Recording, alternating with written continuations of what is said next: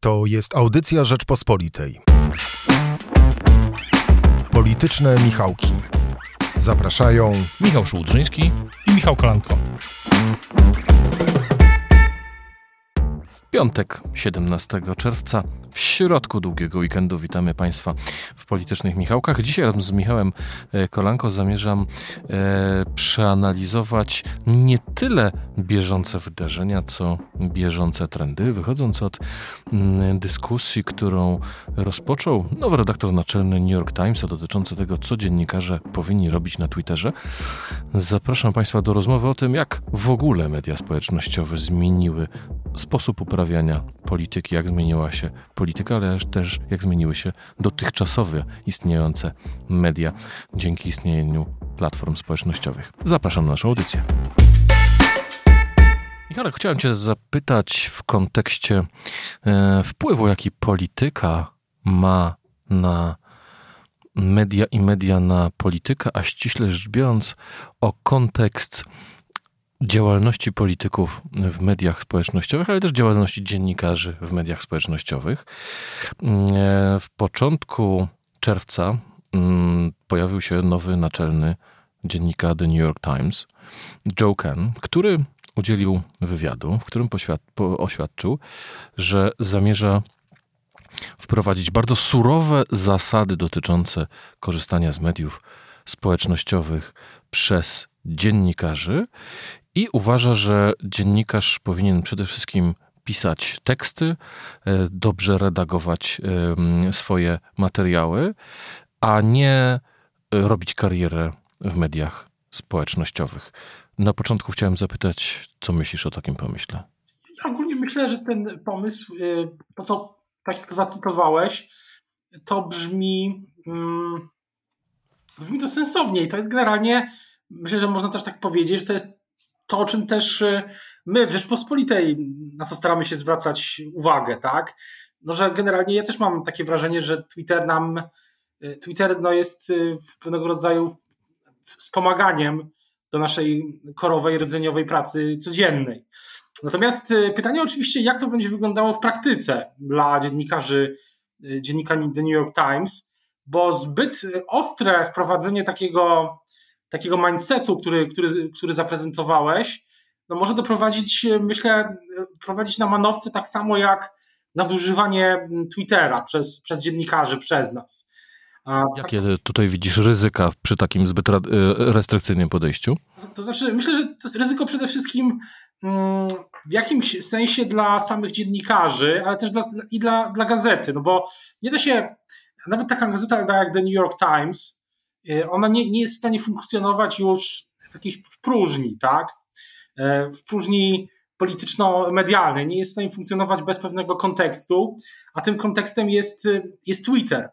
I jakaś część e, wpływu gazety, nawet tak dużej, tak wpływowej w Stanach Zjednoczonych jak The New York Times, jest, bierze się też z tego, jaki mają wpływ jej dziennikarze na opinię publiczną, na media, na swoich kolegów, koleżanek, też w jakimś, kolegów, koleżanek, też w jakimś sensie na, na polityków. A tego się nie da robić dzisiaj bez, bez Twittera, więc mm, ja no rozumiem właśnie, wiesz, bo ja, tego resetu y, twitterowego, rozumiem ideę tego, y, rozumiem tą ideę, że, że szefowie New York Timesa nie chcą, żeby ich dziennikarze tak bardzo się oddawali Twitterowi zamiast pracy, ale pytanie, czy są oni, czy są w stanie jakby połączyć trochę te dwa światy, bo, bo jednak Twitter stał się częścią e, pracy i częścią też tego, tego wpływu. No bo wiele osób e, czerpie właśnie z Twittera informacje o tym, co jest e, w gazecie czy z mediów społecznościowych, zwłaszcza w dzisiejszych czasach. Ja mam właśnie wrażenie, że decyzja Joe'ego Kana, oczywiście masz rację, że wszystko zależy od szczegółów, jak to zostanie wprowadzone, ale że ono jest najbardziej na rękę polityków. E, dlatego, że E, powiedzmy sobie, że szczerze, że oczywiście dziennikarze na Twitterze prowadzą też rozmowy z politykami, pytają ich o rozmaite rzeczy, a także kontrują e, ich wypowiedzi, e, czy, czy, czy jak gdyby weryfikują to, co oni mówią albo piszą na, na, na Twitterze. I nie zawsze da się zrobić tak, że wszystko, co polityk powie albo e, napisze, albo jakąś dane poda, daną poda, e, że będziemy o tym koniecznie pisali artykuł w gazecie albo na naszym portalu. Czasami są to rzeczy no, mniej istotne, ale też warte skontrowania. I jeżeli dziennikarz nie skontruje tego w mediach społecznościowych, e, to wówczas pozwala politykowi właściwie bezkarnie rozmaite rzeczy opowiadać. A właśnie dlatego politycy tak lubią media społecznościowe, bo przecież e, gdy idą na konferencję prasową, no muszą się liczyć, że ktoś im zada pytania. Gdy idą na wywiad, E, ktoś im e, stawia e, pytania, ktoś coś od nich chce i to nie mogą mówić wyłącznie tego, co chcą, swój przekaz dnia, tylko muszą się też zmierzyć, jak gdyby to jest drugą stroną. I dlatego politycy tak bardzo lubią wszelkiego rodzaju filmiki na YouTubie, na filmiki na, na Facebooku czy na TikToku, bo przedstawiają swoją wersję wydarzeń, wrzucają swoje, swoje, e, swój punkt widzenia i właściwie nikt ich z tego nie, e, już tam w tych mediach społecznościowych e, nie rozlicza, prawda? Jeżeli w komentarzu pod spodem nie znajdzie się właśnie opinia, ale panie pośle, panie ministrze, pani, pani poseł, to jest nieprawda, fakty mówią coś innego, link do jakiegoś materiału kontrującego, to zwykły odbiorca no, troszeczkę jest tutaj skazany na wyłącznie na tą narrację polityka. Co ty myślisz o tym? Bardzo ciekawe. Myślę, że też pokazuje, tak, ja się z tym zgadzam, bo jest też coś takiego, że politycy przez te ostatnie lata i myślę, że to jest trend zauważalny. Ja tak ostatnio, ostatnio jakby badając pewne rzeczy i znaczy myślę, że w Polsce to jest trend zauważalny przeniesienie się debaty politycznej do mediów społecznościowych, przynajmniej tej warstwy takiej, w tej bańce, ale bardzo wpływowej opiniotwórczej bańce warszawskiej. To jest trend mniej więcej zauważalny ja bym obstawiał 2015 rok, kampania prezydencka wtedy i parlamentarna i ogólnie wtedy ten cykl, cykl wyborczy. My teraz wchodzimy w nowy cykl wyborczy, a zawsze też jest tak, że te cykle wyborcze, kampanie, wybory, one zmieniają sposób uprawiania polityki w sensie technikaliów oczywiście, ale też zmieniają media. Więc wracając do tych e, decyzji The New York, New York Timesa, no to rzeczywiście będzie ciekawie obserwować, na ile też dziennikarze New York Timesa się będą do tego y, stosować, bo ja cały czas powtarzam, ja rozumiem o co chodzi, żeby bo szefowie New York Timesa wychodzą z prostego założenia, że to oni płacą swoim dziennikarzom, a nie Twitter. I nadmierne spędzanie czasu na Twitterze i zatweetowanie zbyt wielu rzeczy, to też y, jest tą szkodą dla gazety, że Poświęcają tego czasu na pracę, na rzecz. Albo na przykład publikują na Twitterze rzeczy, które powinny być tekstami. No tak też tezami, tekstami, tekstami, tezami do tekstów, jakimiś ciekawostkami do tekstów, a mm, i wtedy te teksty są uboższe, albo przynajmniej są już y, nie tak świeże, tak? No bo mhm. y, jeśli ktoś przeczyta coś na Twitterze, a później zobaczy to na portalu czy w gazecie, no to efekt jest inny, tak? Niż gdy y, nie wiem, ja czy ty opublikujemy coś najpierw w swoim komentarzu, czy tekście, czy analizie, a później dopiero na Twitterze. Natomiast y, trochę, trochę mam wrażenie, że to jest jednak wylewanie dziecka, dziecka z kąpielą. I... Ja bym powiedział, że to spróbowanie zawrócenia kijem Wisły, bo te zmiany cywilizacyjne, no one zaszły. E, I możemy się, może nam się, bo tutaj nawet myślę, niekoniecznie musimy naszych słuchaczy polityką redakcyjną e, zajmować, tylko właśnie tymi pewnymi zmianami. To znaczy to, jak media społecznościowe zmieniły funkcjonowanie polityki, prawda? I te zmiany są faktem.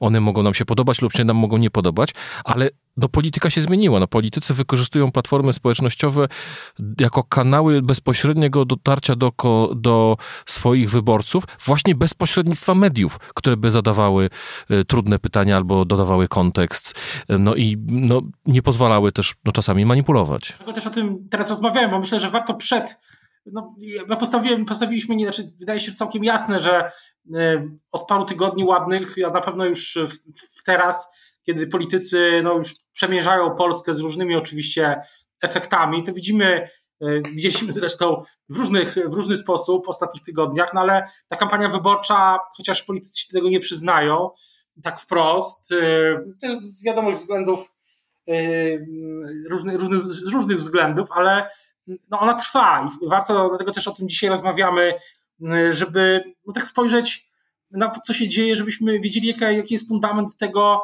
z, z czym będziemy szli, zmierzali się, zmierzali się, z czym będziemy się mierzyć w przyszłości, bo jedną z tych, jeszcze ja bym dodał jedną rzecz, że ta zmiana cywilizacyjna to jest też o czym, to jest coś, co jest łatwo dostrzegalne nawet w ostatnich tygodniach, jest, jest wielkie przyspieszenie tej, tej debaty. E, myślę, że w tym, w tym cyklu wyborczym 2000, 2023-2025, to chyba, że wybory do Sejmu będą wcześniej, ale się nie zapowiada, no, przetestujemy też granice tego przyspieszenia, tak? Zresztą widzieliśmy to już nawet w ostatnich tygodniach, no nie wiem, kto dziś pamięta to, co prezydent Trzaskowski powiedział kiedyś o sobie. E, to była afera na, w cudzysłowie oczywiście, e, afera na dwa dni, tak? Ale z drugiej strony myślę, że ten przykład, który mm, dałeś, jest bardzo ciekawy, ponieważ była to sprawa, która się narodziła na Twitterze, rozwinęła się na Twitterze, miała swoją kulminację w postaci przeprosin Rafała Trzaskowskiego również na Twitterze, bo przypomnijmy, sprawę przypomniał, e, czy jakby wyciągnął E, działacz mm, e, miejski e, Jan Śpiewak, który na Twitterze przypomniał fragment skądinąd z innego medium społecznościowego, czyli z TikToka, fragment podcastu, w którym występował prezydent Trzaskowski i mówił o sobie dupiarz. I ta cała sprawa rozegrała się na Twitterze, ale to nie, ona się nie zamknęła wyłącznie w bańce twitterowej. Ona miała konsekwencje w realnej polityce. Tak, bo z jednej strony oczywiście teraz nikt tego już może nie pamięta, bo są wyżej są takie, y, są takie mm, nazwijmy to y, szyderstwa, jeśli to wraca, ale z drugiej strony też nie wiemy do końca, no bo kampania się rozkręci, rozkręca, ale ona się rozkręci tak naprawdę w oczach wyborców tych, którzy są spoza mediów społecznościowych albo spoza tych baniek y, politycznych, bo można być w mediach społecznościowych, po prostu nie śledzić tam polityki bani, nie zdawać sobie nawet sprawę z tego, czym my żyjemy jako dziennikarze polityczni na co dzień, y, może wrócić równie szybko, jak się pojawiła właśnie w, w ramach kampanii, bo na przykład załóżmy, że hipotetycznie, nie wiem, Rafał Trzaskowski zostaje, y, nie wiem, czasami się o tym mówi, kandydatem na premiera, tak? Jest taka no to jego przeciwnicy natychmiast przypominają to, co powiedział. I to, tak jak mówisz, ryzyko... Już zwykły, zwykły obywatel nie wie o tym, że to się zaczęło na Twitterze, nie pamięta kontekstu, nie pamięta, czy to była wypowiedź e, w radiu, w telewizji, e, czy w prywatnej rozmowie. To słowo jak gdyby będzie funkcjonowało całkowicie własnym życiem, mimo że to cała sprawa zaczęła się e, właśnie w mediach społecznościowych. To jest, to prawda. Jest coś też, też takiego, że mm, to przyspieszenie tej debaty nie oznacza, że te, te, tematy się, tematy znikają. Co więcej, dzisiaj, tak jak mówię, dzisiaj, tak jak powiedziałem, dzisiaj zostało to przykryte w tej bańce przynajmniej innymi sprawami, ale to wróci, wróci w różnych kontekstach. Tak samo, no i tutaj wracamy do tego dylematu, który mają ewidentnie mm, szefowie New York Times, co, co, na co pozwalać, na co zwracać uwagę swoim e, dziennikarzom, bo też umiejętność spojrzenia na sytuację szeroką, no zakłada właśnie, że też będzie śledziło przynajmniej to, nie oczywiście nie nadużywało, bo ja też na przykład staram się nie nadużywać y, Twittera. Miałem w przeszłości może takie momenty, że byłem e, bardziej zaangażowany, więcej, więcej tego Twittera, z tego Twittera korzystałem. Teraz mam wrażenie, że e, i śledzę i korzystam i piszę relatywnie mniej niż jeszcze parę lat temu, zwłaszcza przed moim przejściem do Rzeczpospolitej przed 2017 rokiem, bo to jest y, o takim y, przedziale czasowym mówimy, że, że no trudno, trudno, nie, trudno trzeba śledzić to wszystko, tak? E, I żeby mieć pełen ogląd sytuacji, też dlatego, żeby nie być zaskoczonym, co później przeskoczy do mediów tradycyjnych, tak? No bo e, ta sprawa niczym iskra, taki niczym ogień, pożar, niczym pożar, no nie wiem jak to się mówi, e, no bardzo szybko, niczym pożar przeskoczyła z Twittera na konferencję prasową przewodniczącego Tuska i prezydenta Wrocławia Jacka Sutryka, a stamtąd do sali sejmowej i do do sali na, Sochaczewie, gdzie swoje przemówienie wygłaszał wygłaszał Jarosław Kaczyński. Myślę, że interesujące będzie w ogóle to, czy, czy to wróci w tych przemówieniach PiSu. Jak obstawiasz? Będą to przypominać za tydzień, czy nie? Moim zdaniem nie muszą tego, nie musi tego robić po politycy PiSu. Wystarczy, że podobnie jak zbitka Donald Tusk für Deutschland była wykorzystywana przez media publiczne, żeby e, przede wszystkim telewizję publiczną, prawda, wiadomości czy TVP Info. I to e, będzie to najmocniejsze narzędzie, to, to, to zbijanie, tak jak teraz y, dla wielu wyborców E, pierwszym skojarzeniem z Donaldem Tuskiem są Niemcy. E, tak e, myślę, że już że wiele zrobią, wiele zrobią publiczne telewizja, te kanały TVP Info i, i, i, wiadomości, żeby to zbić. Szczególnie, że w, którymś, w którejś z wypowiedzi pamiętam Jarosław Kaczyński powiedział wprost, że Rafał Trzaskowski jest dla PiSu bardzo groźne. W tym, chyba w tym Sochaczewie też, chyba w tym Sochaczewie to też padło. Y, ja mam też takie poczucie, że ta, ta nowa kampania, która się zaczęła w praktyce, zobaczymy, jakie nowe platformy w mediach, mediów społecznościowych, jakie nowe, e, nowe platformy będą modne, no bo czy będą ważne. No, na przykład ostatnio zauważyłem, że Donald Tusk zaczął e, zaczął e, Y, publikować na TikToku i to mm, dosyć taki, nazwijmy to, y, wydaje się, że jest jakiś pomysł na, na obecność na tym na TikToku, gdzie są wcześniej byli i są politycy, polityczki lewicy przede wszystkim, Robert Biedroń czy Krzysztof Śmiszek.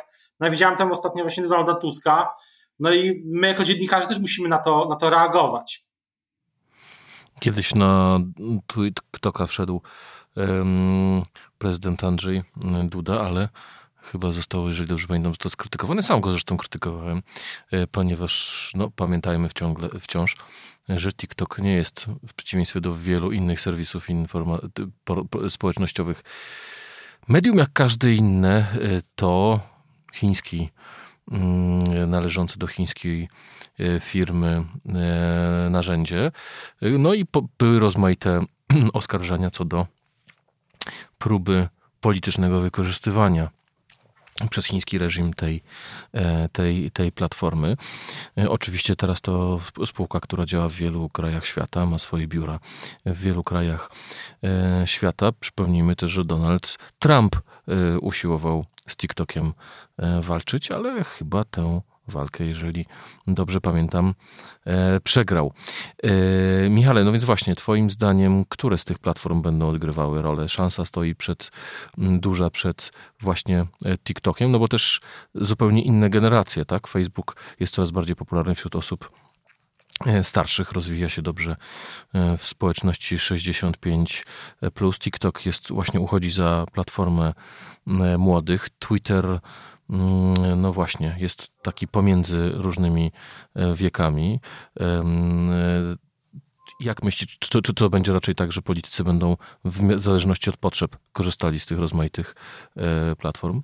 Myślę, że myślę, że nie wiemy tego do końca jeszcze, bo nie jesteśmy jeszcze w pełni w tej, w tej kampanii wyborczej. Oczywiście coraz więcej osób też na różnych, różnych spotkaniach, różnych, przy różnych okazjach pyta mnie, Ostatnio, ostatnio trochę podróżuję po Polsce właśnie o TikToka i mm, o to, jaką będzie miał, miał rolę.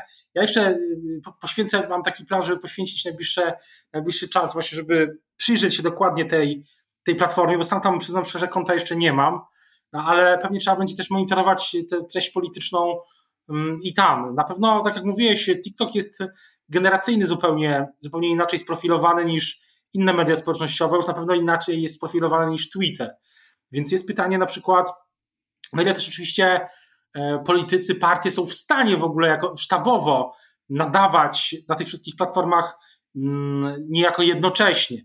Moim zdaniem za, za chwilę to będzie, czy jest to w pewnym sensie już teraz jest to niesamowicie przytłaczające, e, a będzie jeszcze bardziej, tak?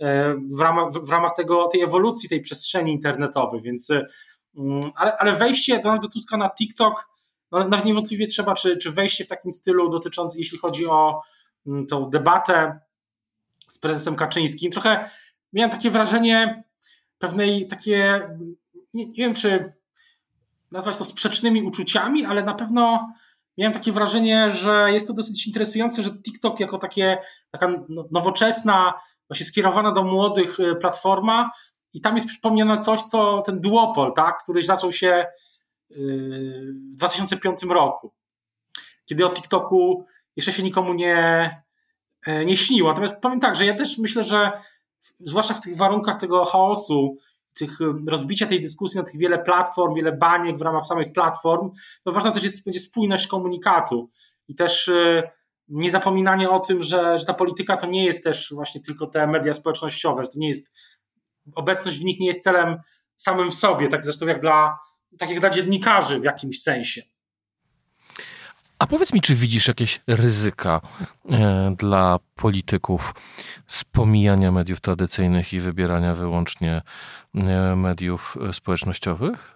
Tak, ja myślę, że politycy żyją w bardzo, zwłaszcza teraz, żyją w takim mylnym przekonaniu, że można całkowicie zacząć pomijać media mm, tradycyjne, że, że wystarczy własny komunikat mieć w sieci sprofilowany, E, wypromowany z mikrotargetowaniem, konsekwentny nawet na różnych platformach i, i już będzie e, ok, uzupełniając to, mm, no, zależy oczywiście od polityka, no, ale mówimy tutaj o polityce krajowej, no, uzupełniając to wystąpieniami też właśnie pod kontrolą w telewizji, tak, czy, czy w, w, w radiu.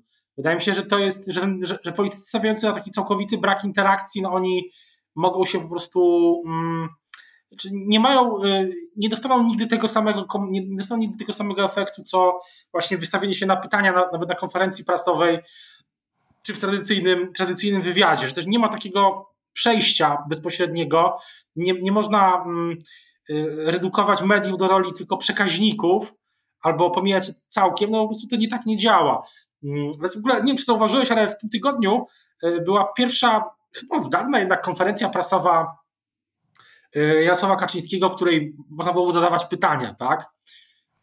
Były tam różne redakcje. To zupełnie wyjątkowa sytuacja.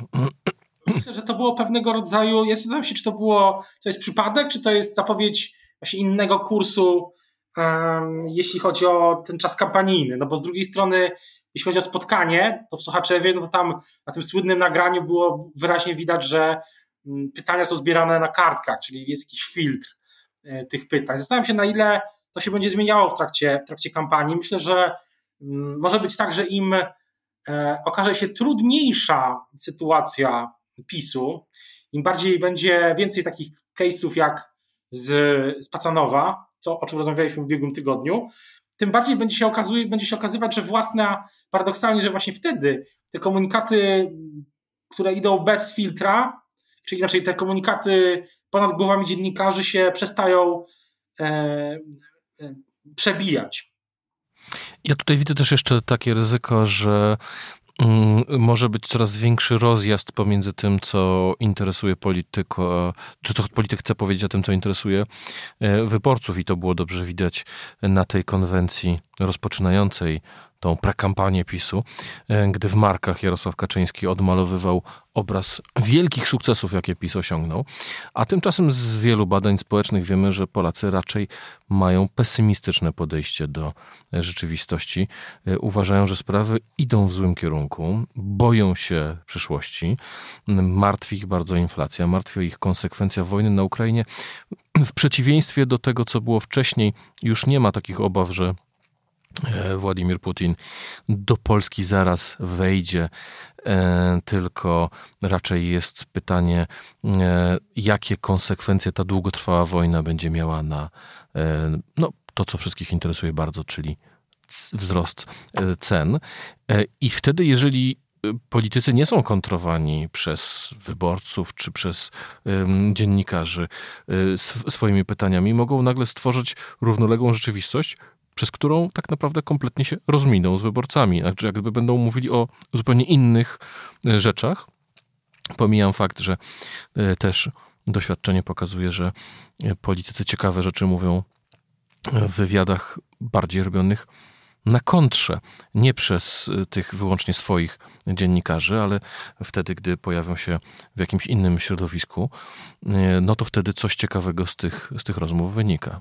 No zdecydowanie tak. To myślę, myślę jest, yy, przerabiają to politycy ze wszystkich baniek, wszystkiego, ze wszystkich baniek. To są takie projekty w ogóle, jak projekt Spięcie, który ma na celu oczywiście w innej, na innej płaszczyźnie łączenie właśnie różnych środowisk. I myślę, że warto to, też obserwować, żeby wychodzić z własnych, e, wychodzić z różnych środowiskowych baniek i zderzać się z czymś nowym. A to oczywiście jest zupełnie coś, zupełnie inna, inna rzecz niż o której mówisz, ale ja się oczywiście zgadzam, że rozmowy na kontrze, zresztą obserwujemy wielokrotnie, są ciekawsze i przynoszą więcej i politykom, i, i dziennikarzom, i oczywiście też opinii publicznej przede wszystkim, wobec której jesteśmy mm, wobec której jesteśmy, no, mamy swoją misję, wykonujemy ją wobec naszych czytelników, słuchaczy teraz, e, odbiorców, e, przynoszą więcej niż, e, niż, niż, niż no nie wiem, to ująć delikatnie przecinanie narracji pytaniami.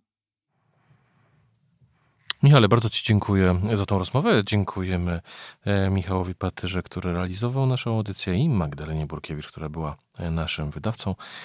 Państwu Państwu dziękujemy za uwagę i zapraszamy do słuchania innych audycji Rzeczpospolitej, a polityczne Michałki jak zawsze w kolejny piątek. Do usłyszenia. Dobrego, dobrego długiego weekendu. Jeśli... Drugiej części tego długiego weekendu, który zaczął się w czwartek. Do usłyszenia. Słuchaj więcej na stronie podcasty.rp.pl. Szukaj Rzeczpospolita Audycje w serwisach streamingowych.